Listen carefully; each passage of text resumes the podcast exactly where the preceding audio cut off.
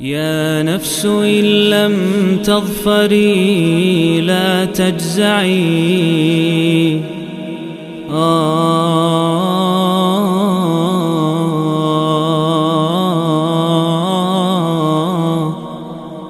Bismillahirrahmanirrahim Alhamdulillah Wassalatu wassalamu ala rasulillahi amma ba'd Para hadirin yang dirahmati Allah Ini adalah audio ke-96 dari serial 114 hari menyambut bulan Ramadan.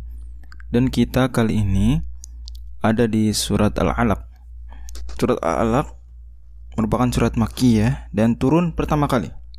Walaupun memang seperti kebanyakan surat-surat di Al-Quran uh, dia tidak turun sekaligus, turunnya 5 ayat lebih dulu, sisanya di lain waktu. Dan 5 ayat inilah yang pertama kali Nabi Shallallahu alaihi wasallam terima pada malam 17 Ramadan di Gua Hira.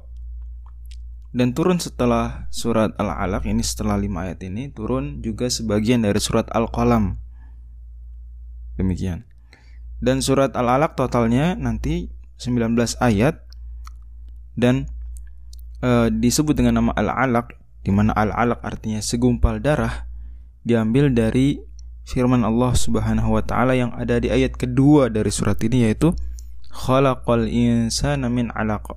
Allah Subhanahu wa taala menciptakan manusia dari segumpal darah. Dan tema besar dari surat ini adalah perintah menuntut ilmu yang bermanfaat. Perintah menuntut ilmu yang bermanfaat karena jelas awal uh, ayat atau awal surat ya diawali dengan ikhra bacalah. Tapi tidak hanya menuntut ilmu yang membaca merupakan salah satu media utamanya tapi juga bismi rabbikal ladzi khalaq. Membacanya dengan menyebut nama Allah Subhanahu wa taala yang telah menciptakan. Artinya ilmu di sini dituntut bukan sembarang ilmu juga bukan dengan sembarang cara ya tetapi ilmu yang bermanfaat menuntut ilmu dengan bimbingan Robbani bimbingan Allah Subhanahu wa taala bimbingan Rob.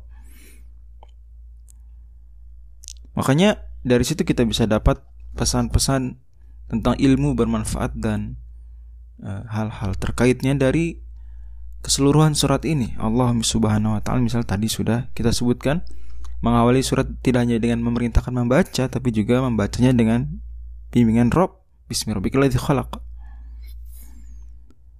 Membacanya juga dengan menyadari bahwa pada akhirnya sepintar apa pun kita Allah Subhanahu wa taala lah yang al-akram iqra wa rabbukal akram yang maha mulia yang paling mulia.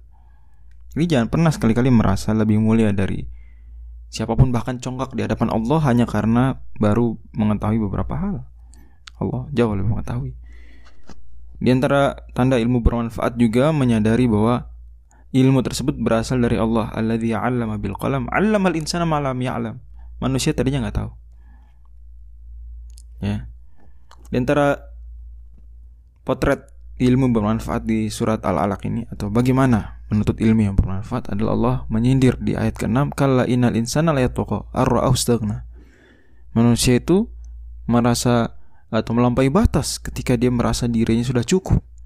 Nah ini sering kadang baru pintar sedikit merasa diri sudah cukup tidak butuh Tuhan lagi. Mengatakan Tuhan sudah mati atau Tuhan tidak ada. Ini kesombongan. Sikap melampaui batas.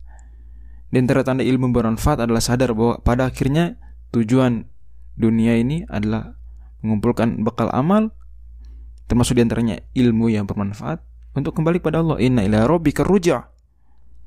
Termasuk tanda ilmu bermanfaat adalah mendirikan sholat abadan idha sholat. Di antara tanda ilmu bermanfaat adalah adalah uh, mengajarkannya. Amar ma'ruf nahi mungkar. Au amarobit taqwa. Bukan sebaliknya. Malah melarang dari ma'ruf memerintahkan mungkar. Yanha abadan idha sholat. Itu di antara tanda ilmu bermanfaat merasa Allah mengawasi. Alam ya alam bi Allah yaro di antara tanda ilmu bermanfaat adalah benar-benar mendekatkan diri pada Allah Subhanahu wa taala, banyak beribadah. Kala la tuti'ahu wasjud waqtarib. Jadi di awal dengan iqra, di akhir dengan iqtarib, mendekatlah. Dan pada akhirnya surat ini Nabi SAW terima setelah disuruh bacalah sambil dipeluk erat tidak bisa hampir hampir tidak bisa bernafas gitu ya hatta balagha minal jahat dan ini sebetulnya menunjukkan bahwa betul-betul Nabi menerima wahyu bukan ilusi bukan epilepsi seperti tersangkan sebagian orang. Karena bukti ya kita tahu ya bahwa kadang di beberapa film itu atau dalam kehidupan nyata bahkan tidak perlu film untuk membuktikan ini tidak mimpi bagaimana? Menepuk pipi kan?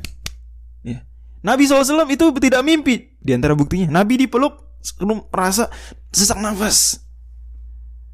Tidak hanya sekali bahkan tiga kali. Dan hubungannya dengan nama surat al-alaq dari mana? Ilmu bermanfaat dengan al-alaq.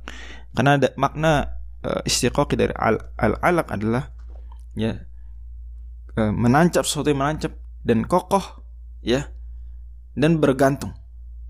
Disertai dengan tinggi berada di tempat tinggi. Nah itu ilmu manfaat. Dia selalu bergantung pada Allah.